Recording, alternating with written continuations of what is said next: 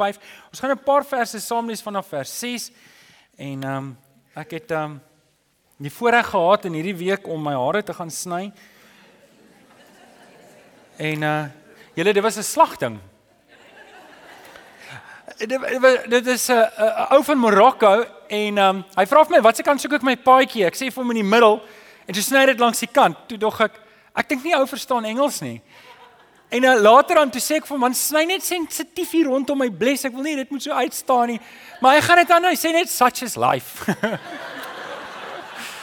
so, ek moet vir julle sê vanoggend voel ek 'n bietjie blootgestel hierso.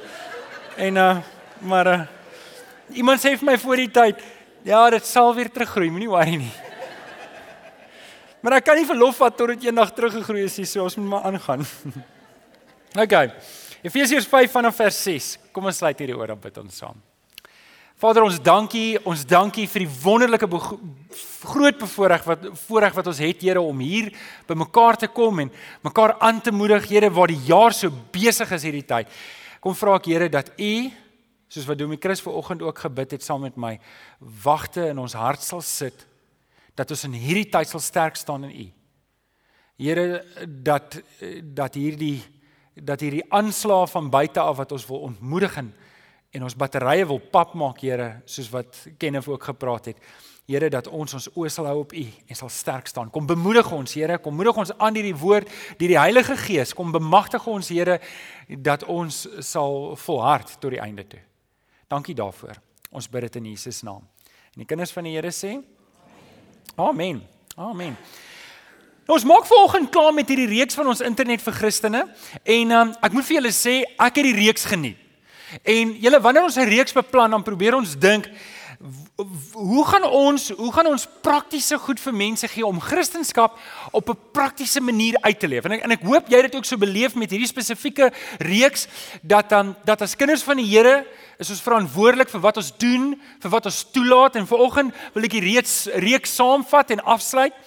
En um, kom ons kyk net weer uh, Chris of uh, Tiffany, ek weet nie wie's by die bord nie. Tiffany, gooi net weer vir ons Filippense 4 vers 8 op die bord. Ek wil net hê julle moet dit saam met my lees daarso en die vers het waarna ons gekyk het, het ons gebruik as filters.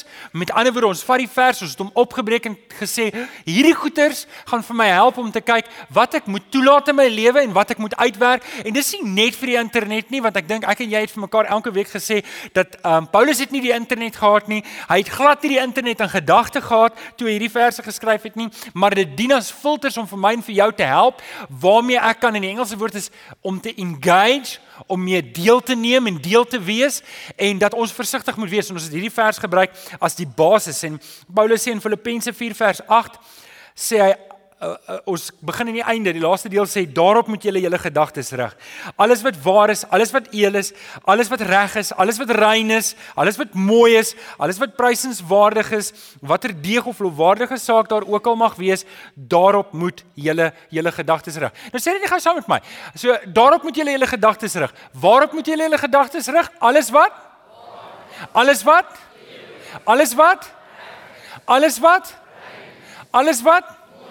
En alles wat prysenswaardig is. Nou, ons kom vandag by die laaste deel wat prysenswaardig is en ek wil 'n bietjie stil staan op hierdie gedagte dalk. Ons um, lees in Spreuke 4 vers 23 sê Salomo: "Wees veral versigtig met dit wat in jou hart omgaan, want dit bepaal jou hele lewe."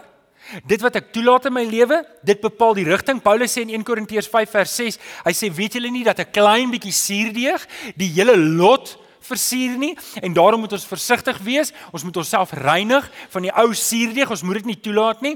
En ek moet dit verstaan dat wanneer ek op die internet is, wanneer ek hierdie goeters in die media toelaat in my lewe, dan kan 'n klein bietjie suurdeeg kan my versier. En en weet julle wat, nê? Nee, ons het vir mekaar gesê die eerste toets is alles wat waar is. Maar weet nie alles wat waar is is eers noodwendig goed vir my nie. Ek kan die koerant lees, jy kan vanoggend die rapport lees en en jy sal verstom wees oor hoe negatief dit 'n ou stem. Jy sal verstom wees oor hoe sleg dit jou kan laat voel oor hierdie wêreld. Ek bedoel enige ou wat die rapport 2 weke in 'n ry lees is reg om te immigreer. Voel julle nie partykeer so nie? Um partykeer dink ek ons doen beter om net nie te weet van al hierdie goeters nie. En en daarom moet ek ek moet verantwoordelikheid aanvaar vir wat ek in my verstand en in my hart toelaat. En en en die Here verwag dit van my. Want want vriende, luister gou-gou. Die koninkryk baat nie daarbey as jy die hele tyd negatief is nie. Die koninkryk baat nie daarbey as jy die hele tyd morbied is nie. Die koninkryk van die Here Jesus het eh, baat nie daarbey as ek toelaat dat hierdie goeters ongefilterd in my lewe inkom en ek laat my hart net dieper en dieper en dieper in 'n gat insink nie. Dis nie wat die Here wil hê nie. Eh, die Here wil vir ons help. Nou party mense is ewige opportuniste. Ek weet nie of julle sulke mense ken nie. Jy weet, weet alles sien die silwer randjie in enige donker wolk. Maar meeste van ons het nie daai vermoë nie. Meeste van ons is baie beïnvloedbaar en goed vang ons vinnig om kant en maak ons wiele of batterye so sken of hulle vir oggend maak dit baie vinnig pap en en dis nie wat die Here vir ons wil hê nie en daarom moet ons seker maak. En hierdie reeks het gegaan juis om intensief te kyk na die filters wat ons in ons lewens moet sit. Ons gekyk na die paar toetse. Ek gaan nie weer dit gaan nie. Jy het die boekies gekry. As jy nie 'n boekie gekry het nie vir julle wat ver oggend vir die eerste keer hier is of die laaste 2 of 3 weke ingeskakel het, asseblief kry vir jou 'n boekie daar agter. Nou kom ons by toets nommer 6. Is dit prysenswaardig? Is dit prysenswaardig? Lees saam met my in Efesiërs 5 vanaf vers 6. Ons het verskeie van hierdie verse al in die boekie hanteer. En um, maar ek wil juist kyk na die laaste gedeelte. Maar dit is vir my belangrik om die hele konteks te lees dat ons dat ons hele gevoel het van die teksverse. Dis Paulus wat skryf en um, hy hy hy spreek die gemeente aan, hy moedig hulle aan en hy begin met hierdie woorde: Moenie dat iemand julle met allerlei onderwaarhede mislei nie. Ons het daai toets hanteer alles wat waar is. Want daardeur kom die straf van God op mense wat aan hom ongehoorsaam is. Met sulke mense moet jy niks te doen nie. Wil amper sê met sulke webtuistes, met sulke Facebook bladsye, met sulke Twitter accounts moet jy niks te doen nie. Vroeger, vers 8, was julle die ene duisternis. Ons was deel daarvan. Maar nou in die Here is julle in die lig. Leef dan as mense van die lig. Uit die lig kom alles voort wat goed en reg en waar is. Vra julle voortdurend af. En as jy vers 10 in jou Bybel wil omkring, dan vra ek jou mooi om dit te omkring. Vra julleself voortdurend af of iets vir die Here aanneemlik is. As ek besig is met hierdie ding, hoorie maar, is hierdie ding aanneemlik vir die Here? Is dit goed? Is dit reg? Is dit mooi vir die Here waarmee ek nou besig is? In vers 11, moenie meedoen aan die vrugtelose praktyke nie. So met ander woorde, nie net alles is sleg nie, maar daar sekerre goeders wat net eenvoudig vrugteloos is. Dis net 'n mors van tyd. Dit hou my net baie besig. Dit maak dat ek nie tyd het vir die goeie dinge nie. En moenie meedoen aan hierdie vrugtelose praktyke van die duisternis nie, maar stel dit eerder aan die kaak. Dit is 'n skande om selfs te praat oor die dinge van die ongehoorsame mense en wat hulle in die geheim doen. Maar alles word aan die kaak gestel wanneer die lig daarop val.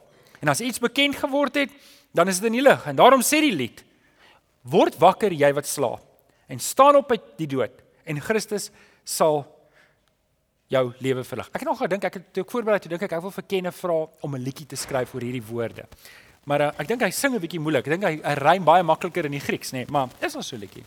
Um vers 15 sê: Wees baie versigtig hoe jy lewe. Hoor nou mooi, vers 15. Wees baie versigtig hoe jy lewe. Nie soos onverstandige mense nie, maar soos verstandiges. Maak die beste gebruik van elke geleentheid, want ons lewe in 'n goddelose tyd. Klink of Paulus hierdie gister geskryf het nadat hy die koerant gelees het.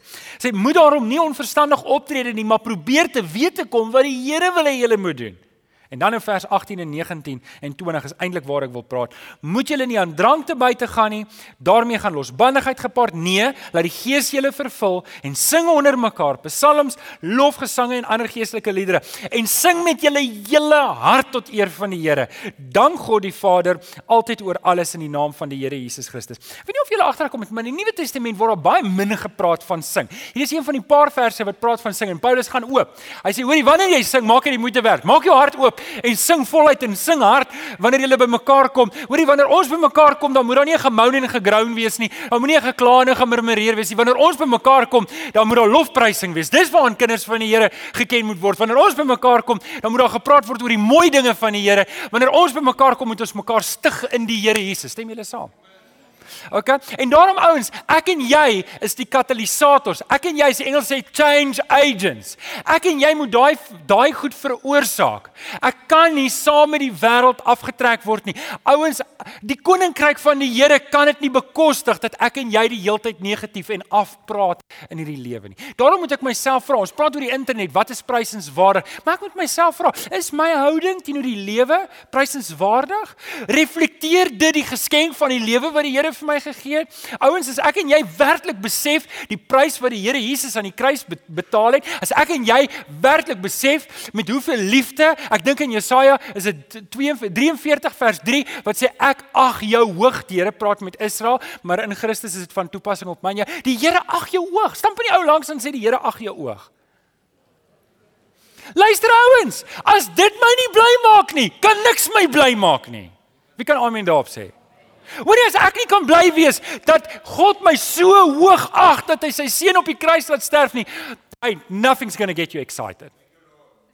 OK, so dis nou net so om te sê, my houding, is dit prysenswaardig? My houding teenoor die mense om my, my houding teenoor die lewe, my houding teenoor my werk, my houding is dit prysenswaardig? Nou oké, okay, vanoggend wil ek 'n bietjie met julle praat oor wanneer is iets prysenswaardig? Wanneer wanneer is dit waardig van prys? Nou julle moet verstaan, daar's net een wat prysenswaardig is en dis God.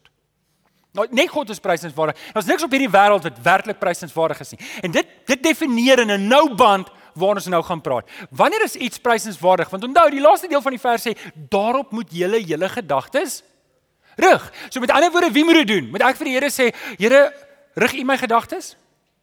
of moet ek dit doen? Kom, wil julle raai, A of B? OK? Ek moet dit doen. Ouens, jy moet dit doen. Stamp net weer aan die ouens sê, "Is jy nog wakker?" Ja, jy moet dit doen. Dis jou verantwoordelikheid. Dis nie moenie moenie jou verantwoordelikheid vir die Here sê en Here, wil U nie my gedagtes rig nie. Nee, die Here gee vir my en jou daai verantwoordelikheid om dit te doen. So ons gaan nou kyk op jou raamwerk, wat beteken dit wanneer iets prysenswaardig is? Maar eers wil ek dalk net dalk net drie dingetjies sê wat die duiwel in my en jou lewe doen sodat jy dit kan identifiseer om seker te maak ons rig ons gedagtes nie op dit wat prysenswaardig is. Die eerste ding wat hy doen om ons uit te vang, die vyand vang ons uit, is om subtiel verkeerde lering in ons lewens in te bring. Hy doen dit subtiel. Hy doen dit nie blaatant nie, hy doen dit nie ooglopend nie, maar ek ek hoor nou die dag van 'n Bybelstudie waar mense praat en die een ou sê, "Nee, maar hy hy hy hy glo dit so. Hy glo dit so." Maar hy het geen rede hoekom hy so sê nie. Hy het geen vers wat so sê nie. Hy het geen niks nie. Hy glo dit maar net. En toe met hom gepraat word daaroor sê, maar dis hoe ek glo. Dis hoe ek glo.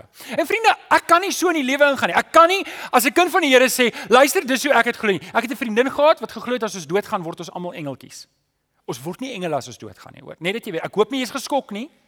Ek hoop jy is geskok nie. Jy word nie engel as jy doodgaan nie. Die Bybel leer dit nie. sien, want dit is baie keer wat ons doen is, ek glo dinge en die feit dat ek dit glo maak dit nou waar. Dit doen nie. Dit doen skade. As ek sommer net Ag julle, dis so mooi Engelse sê ding holy nilly. Dis dit doen skade as ek holy nilly net goed glo omdat dit Ag ek weet nie, dit klink nie eens altyd goed nie. Net goed glo nie. Okay, so die eerste ding wat hy doen is subtiel bring hy valse lering.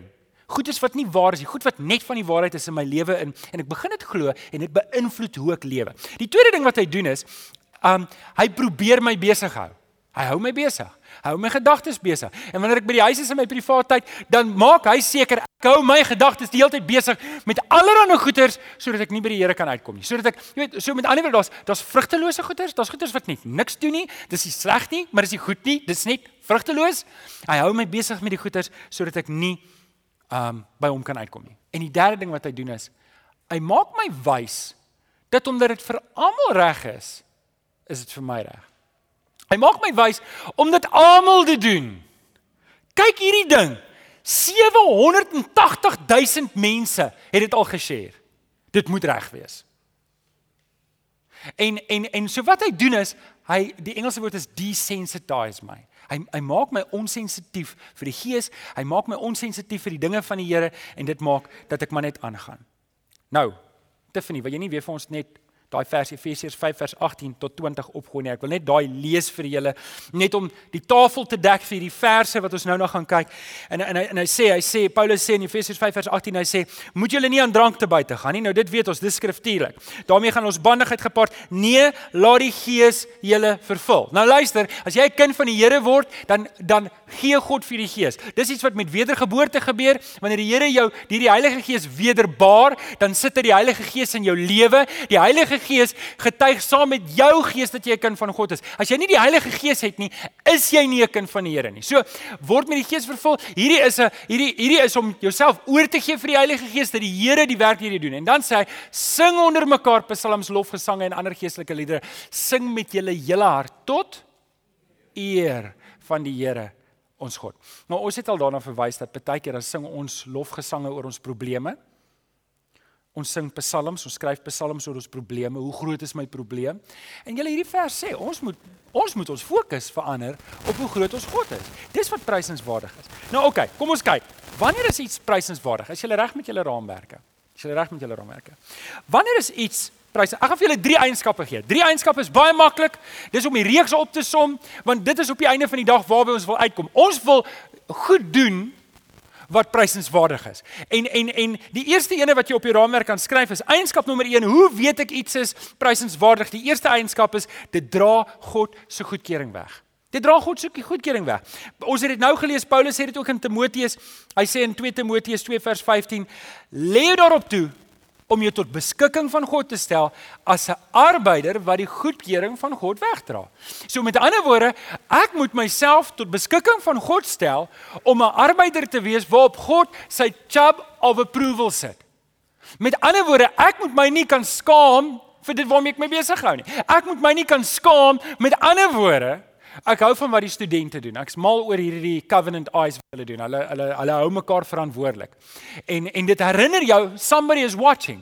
Maar julle, ek dink daar's baie plekke waar ons nie sou gaan as ons net geweet het maar die Here is by my nie.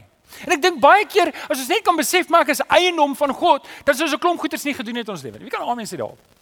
Ek praat met myself ook nou. Ek praat nie net met jou nie.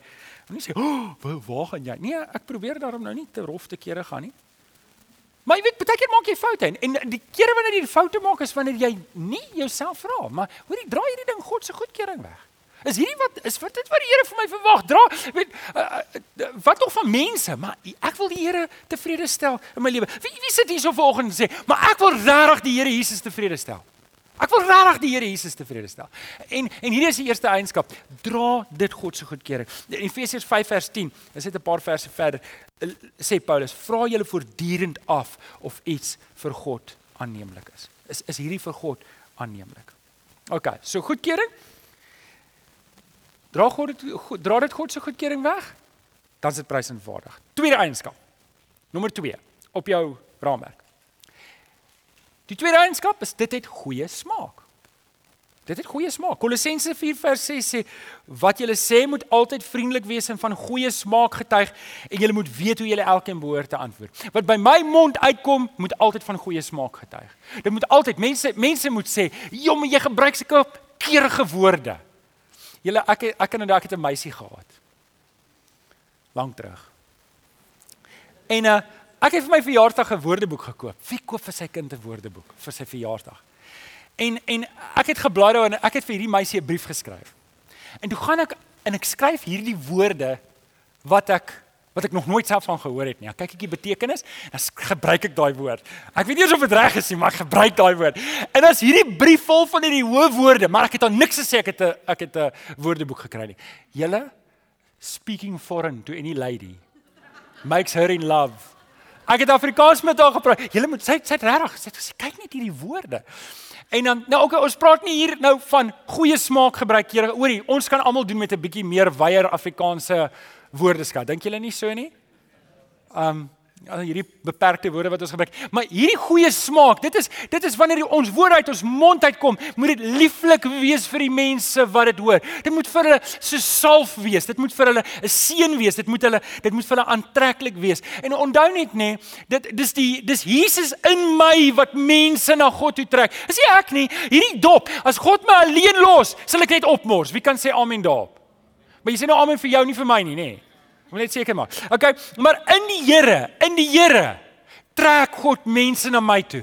En my woorde moet dit reflekteer. En en maar ek wil dit gou-gou in reverse sit. Kan ek dit gou-gou in trirad sit? Dis nie net wat ek sê wat van goeie smaak getuig nie. Dis nie net wat ek sê en wat ek skryf wat van goeie smaak moet getuig nie. Dis ook wat ek inneem. Dis wat ek in my hart toelaat. Julle daar's soveel gemors daar buite kan goed, soveel goed wat ons sleg kan beïnvloed. Weet, hoe kan ek my gedagtes en my oë vul met gemors en verwag dat dit wat by my mond uitkom gaan goed wees?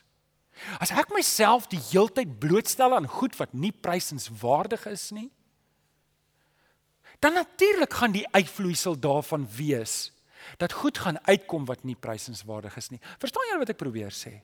So dit moet dit moet albei kante toe werk. Dit moet werk dat wanneer wanneer die goed wat uitkom, dan moet dit wat s'ie gesegde wat ons gebruik? Junk in? Junk out. Ons het in graad 1, graad 2 dan die juffrou so gevat. Wat gou gou jou ore. Kan jy ore vat? Dis net vir die illustrasie, jy gaan dit nie vergeet nie. Vat jou ore so. Nou sien jy nou daar dink jy dadelik aan graad 3. Dis ek toe jy graad 3 was, was dit nie jou eie hande op jou oor nie, was die juffrou se hand op jou oor, nê? Sê ek was nie saam met jou op skool nie. Okay. Nou die juffrou het gesê hierdie goed is nie ornamente nie, nê? Maar ek wil vanoggend vir jou sê, hierdie goeders is nie asbakkies nie. Jy laat nie ander mense se twak in jou ore inkom nie. En, en ek bedoel dit ernstig. Jy jy moenie laat ander mense se gemors in jou ore en in jou oë inkom nie. Jy moet versigtig wees wat jy toelaat, want junk in, junk out. Wie moet verantwoordelikheid aanvaar? Ek moet. Ek moet verantwoordelikheid aanvaar vir wat by my lewe ingaan. OK, dit bring ons by nommer 3. Nommer 3, is dit aanbeveelbaar? Nou vir die wat taalkundig is, ek weet nie of daai sinskonstruksie heeltemal reg is nie, maar dit sê wat ek wil hê dit moet sê. Dit waarmee ek myself nou besig, kan ek dit aanbeveel? Filippense 4:8 sê dit. Alles wat prysenswaardig is, dan sê watter deeg of lofwaardige saak. Daai woord lofwaardig Dis waardig van lof. Dis prysenswaardig. Dis waardig van prys. Dit is aanbeveelbaar. Ek kan vir mense sê, hoor hierdie ding is reg. Nou, wie kan vir my sê wat's die sterkste tipe bemarking wat jy kry? Wie wil ek aansvat? Sê maar Alex. Word of mouth, dis die sterkste bemarking wat jy kry. Luister, jy kan soveel pamflette in jou pos beskryf. Jy kan soveel advertensies in die koerant sien, jy kan dit op Facebook sien, jy kan net sien waar jy wil. Maar as jou vriend vir jou by die braaivleis sê, hoorie maar daai is die regte ding. Daai maandag gaan koop jy daai ding. Jy gaan koop daai ding want dit is word of mouth. Dis die sterkste bemarking wat daar is. Wie van julle die wie van julle het 'n polis by Momentum? Ek wil net sien wie van julle het 'n polis by Momentum? Ag arme julle. het julle dit gevolg wat gebeur? Ek wil net vir julle wys hoe sterk is word of mouth. So, die van julle wat nou nie verstaan waar dit gaan nie, um hy, hy het 'n polis momente met 'n polis geskryf vir hierdie arme ou wat 'n diabetes, nê? Nee, en hy het nie vir hulle gesê hy's 'n diabetes nie. En toe gaan hy dood. Maar nie aan suiker nie. Hy's geskiet. En toe weier die versekerings om my te betaal. Nou julle, ek is nie 'n wiskundige of 'n aktuaris of enige snaakse ding nie. Maar dit klink nie vir my reg nie. Sê julle saam, dit klink nie reg nie. En en sien julle nou hoe sterk is word of mouth? Want hier staan ek nou en praat oor met julle oor momentum en bedoel kyk net al hierdie slegte bemarking wat hulle kry van die kansel af. Ek bedoel van alle plekke. Maar die punt wat ek probeer maak is is toe ontplof Facebook en Twitter en hulle veroordeel momentum soos erg. En toe draai hulle om en hulle sê nee, okay, ons sal maar die polis uitbetaal. Hoekom? Want hulle wil hulle naam beskerm. Hulle wil hulle wil aanbeveelbaar wees en presies die teenoorgestelde het gebeur. Hulle naam lê skaar, hulle is nie meer aanbeveelbaar nie en mense dreig om hulle te boikot. En en ek gaan dit nou van toepassing maak op ons verhouding met die Here. Hou net vas. Ek wil, ek wil julle dalk net ek wil dalk net nog 'n storieetjie vertel. Van die twee tannies wat in hulle 80's is wat sit en gesels. Um en die tannie is besig om 'n storie te vertel vir die ander tannie. En en terwyl sy so vertel, vergeet sy die res van die storie. Sy vergeet die storie so sleg sy moet die res van die storie kanselleer. En terwyl en die, en die ander tannie, die ander nou oom, ek en oom Mike het eendag gepraat en oom Mike het gesê, weet jy wat baie keer as jy harde skryf maar net vol, dis oukei. Okay. Ek weet so met jare skryf raak apparently een of ander tyd vol. So die tannie se harde skryf is toe nou vol. Sy kon nou nie die storie verder vertel nie. En die ander tannie sê, "Luister man, ek het hierdie pille gekry. 'n Vriendin van my het vertel van hierdie pille en ek drink dit nou al vir 3 jaar. Dit maak jou helder." En die ander tannie sê, "Ja." Sy sê, "Ja." Sy sê, "Dit maak jou skerp. Jy onthou goed wat jy lank terug al vergeet het." En die tannie sê, "Ja." Sy sê, "Ja." En sy sê, "Oké, okay, laat ek net my boekie gaan haal. Ek wil net die naam neerskryf." En sy sê, "Oké, okay, wat is die naam?" Sy sê, "Ja, nou, ek kan nou niks onthou van daai pille."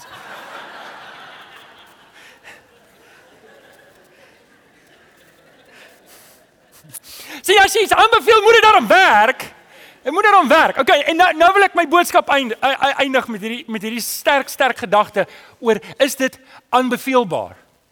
En, en vriende, hier's die ding wat ek wil hê ek en jy moet besef. Ek en jy is 'n aanbevelingsbrief vir die Here Jesus Christus. Niks wat ek en jy doen gaan ongesien verby nie. Niks wat ons doen nie. Ek kom gister by 'n ou en weet julle partykeer wil ek ook net anoniem wees. Ek wil altyd 'n kind van die Here wees, maar ek wil nie altyd 'n predikant wees nie. Want mense verwag van jou vreemde goed as jy 'n predikant is. Maar ek kom by hierdie man, hy is in sy hy's 'n nywerheidssielkundige of 'n ding en ek en hy het lekker gepraat, maar hy sê vir my jy is daai predikant. En ek kon nie lekker verstaan wat bedoel met jy is daardie predikant nie. Hy het daarom aan die einde gesê hy, hy wil na ons kerk toe kom, hy wil kom kuier. So dit was daarom goed. Maar hoe ek optree word 'n aanbevelingsbrief. Hoe ek optree daar buitekant of ek nou weet daar's nou 'n hoër las op my as predikant, maar julle luister, jy's 'n kind van die Here. Jy ek en jy, jy moet jouself elke dag vra sou 'n predikant so optree. Want baie keer eintlik behoort 'n Christen die hoogste hoogste hoogste manier wees van om te dink om te sê dis hoe ek behoort op te tree. Maar ek dink die duiwel het ons kom omkoop om te sê but everybody does it. Kyk net daai Christen, kyk hoe doen hy dit. Dis ook as jy dit doen. Kyk hoe doen daai Christen dit. En vriende, ek en jy is aanbevelingbriewe. Weet julle, daar's momente, hulle verkoop 'n klomp polisse. Ek het niks daarmee te doen nie. Ek en jy is aanbevelingsbriewe vir die Here Jesus vir die kruisiging vir die wêreld. En as ek en jy nie behoorlik omgaan met daai verteenwoordiging nie, dan doen ons presies dit wat momentum gedoen het, die teenoorgestelde. Ons breek Christus af voor die mense. Ons wys mense weg. Ons sê vir hulle soos daai tannie met die pille, ons sê vir hulle dit werk, dit werk, maar ons lewe wys dit werk nie. En vriende, dis hoekom ek by julle aandring. Dis hoekom ek julle en julle dis mos my werk hier. Ek moet mos geestelik verantwoordelikheid aanvaar vir jou. Amen. En vir myself ook. Ons moet mekaar op die pad hou. Ek sê vir die Here, dankie vir die mense wat ver oggend lidmaat geword het. En, en ek ek wil jou mooi kom vra ver oggend. Kan ons nie mooi kyk na ons lewens nie? Kan ons nie mooi kyk nie want As ek dan as ek dan 'n aanbevelingsbrief is vir Christus daar buitekant. Ek kan nie enige ding toelaat nie. Ek kan nie enige ding kyk nie. Ek kan nie enige ding sê nie. Ek kan nie enige ding skryf nie. Die Engelse woord is restrain. Daar moet terughouding wees in my lewe om te sê ek kan nie soos hierdie wêreld lewe nie. Aan die einde van die reeks is 'n lekker tyd om 'n toewyding te maak om te sê Here, ek wil 'n lewe leef wat Christus wys. Ek wil 'n aanbevelingsbrief wees. En dis my uitnodiging vir oggend aan jou. As jy ver oggend hier sit en sê ek wil 'n aanbevelingsbrief wees op elke plek van my lewe. Die manier hoe ek die sosiale media hanteer, die manier hoe ek my Twitter hanteer, die manier hoe ek my werk hanteer, die e-posse wat ek stuur, elke ding, elke aspek wil ek afteken sê, ja, ek verteenwoordig Christus hier. Ja, ek beveel Christus aan nie. Ja, Christus kan gesien word in my lewe. En as jy ver oggend sê, Here, kom help my om 'n aanbevelingsbrief te wees vir die Here Jesus Christus vir hierdie wêreld wat so verlore is. Dan wil ek vir jou bid. Kom ons sê die oor om met ons saam. Vader, ons het hierdie reeks gedoen en uit die woord het ons geleer dat ons kan nie, ons kan nie een voet in die wêreld en een voet in die kerk wees nie. Ons kan nie een voet in die duister en een voet in die lig probeer lewe nie. En en, en daarom Here, daar's 'n hoër verwagting aan ons wat die kinders is. En Here, ek wil ver oggend wil ek 'n aanbevelingsbrief wees vir Christus Jesus. Ek wil Here wanneer ek in die wêreld is daar buitekant, moet mense na my kyk en kan sien, maar die evangelie werk. Die evangelie werk want dit wys in my lewe. En, en en Vader, ek weet hier's baie manne en vroue ver oggend saam met my wat sê maar ek wil ook 'n aanbevelingsbrief wees. Ek wil ook hê my familie, my vriende, my werkskollegas, die mense wat op die internet met my te doen het, moet Christus in my sien. Ek wil Christus aanbeveel aan hulle. Ek wil vanoggend saam met jou bid vir krag oor hierdie saak. En as jy vanoggend ook sê, maar ek wil ook 'n aanbevelingsbrief wees vir Christus. Dan wil ek hê jy moet staan. As jy vanoggend sê, Here Jesus, ek, ek wil ook 'n aanbevelingsbrief hê. Ek wil hê mense moet Jesus in my lewe kan sien. Dan wil ek hê jy moet opstaan waar jy nou is. En, en miskien terwyl jy nou opstaan, terwyl jy opstaan en ek weet nie waar jy is nie, moet jy dalk iets vir die Here sê vanoggend. Jy moet dalk vanoggend vir die Here sê jammer. Jy moet dalk vanoggend vir die Here sê, Here, hierdie goed in my lewe, ek weet, ek weet presies waar ek u naam in diskrediet gebring het. Daar dalk moet jy vanoggend in jou hart net nou waar jy staan sê, Here, ek is jammer. Ek is jammer dat ek presies die teenoorgestelde gedoen het waarvoor u my geroep het. Maar ek kom vanoggend en kom gee myself oor en sê, Here, nie 'n bietjie nie, maar alles. Ek kom gee oor. Wie sê vanoggend ek gee oor? Ek sê hand op. Steek jou hand. As jy vanoggend sê ek ek gee alles oor, steek jou hand op. Ek wil vir jou bid. Here, dankie dat ons kan staan voor U en ons hande kan opsteek. Here, en kan sê ons wil hierdie aanbevelingsbrief wees vir die wêreld. Ons is in hierdie wêreld, maar ons kan nie dinge doen soos hierdie wêreld nie. Kom seën ons ver oggend. Ons bid dit in Jesus naam. En die kinders van die Here sê Amen. Dankie. Dankie Kenny.